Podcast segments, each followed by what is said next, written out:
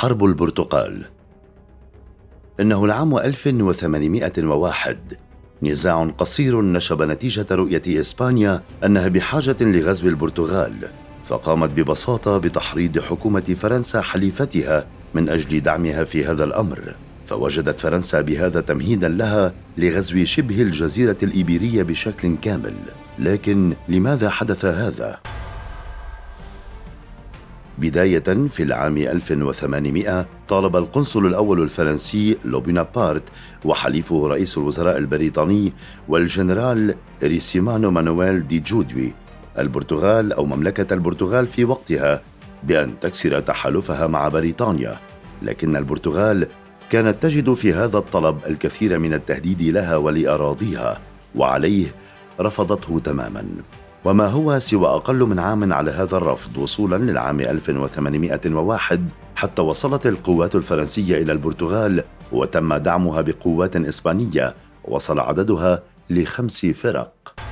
في صبيحة العشرين من مايو أيار بدأ الهجوم الإسباني وركز هذا الهجوم على منطقة الحدود البرتغالية وخاصة بلدة غاريسون. في حين تقدمت القوات الرئيسية نحو مدينة إلفاس.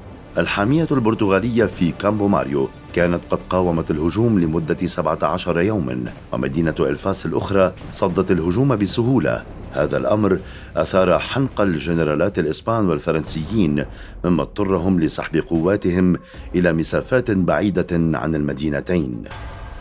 في هذه المرحلة من الحرب وصل الأطراف إلى طريق مسدود.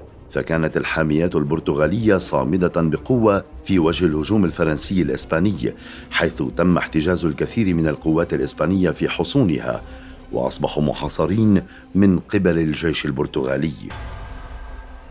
بقي الحال على ما هو عليه حتى قرر أحد الجنرالات الإسبان إرسال البرتقال إلى ملكة إسبانيا ومن هنا جاءت التسمية.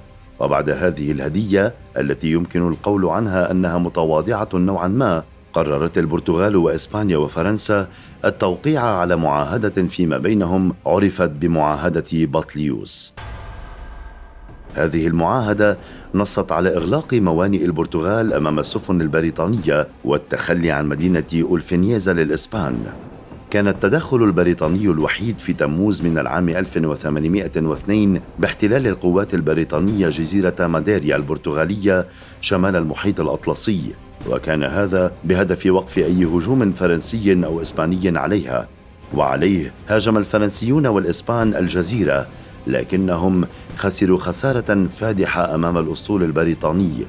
وعليه أعادت البرتغال علاقاتها مع بريطانيا وأعلنت فرنسا معاهدة سلام سميت بباداخوس.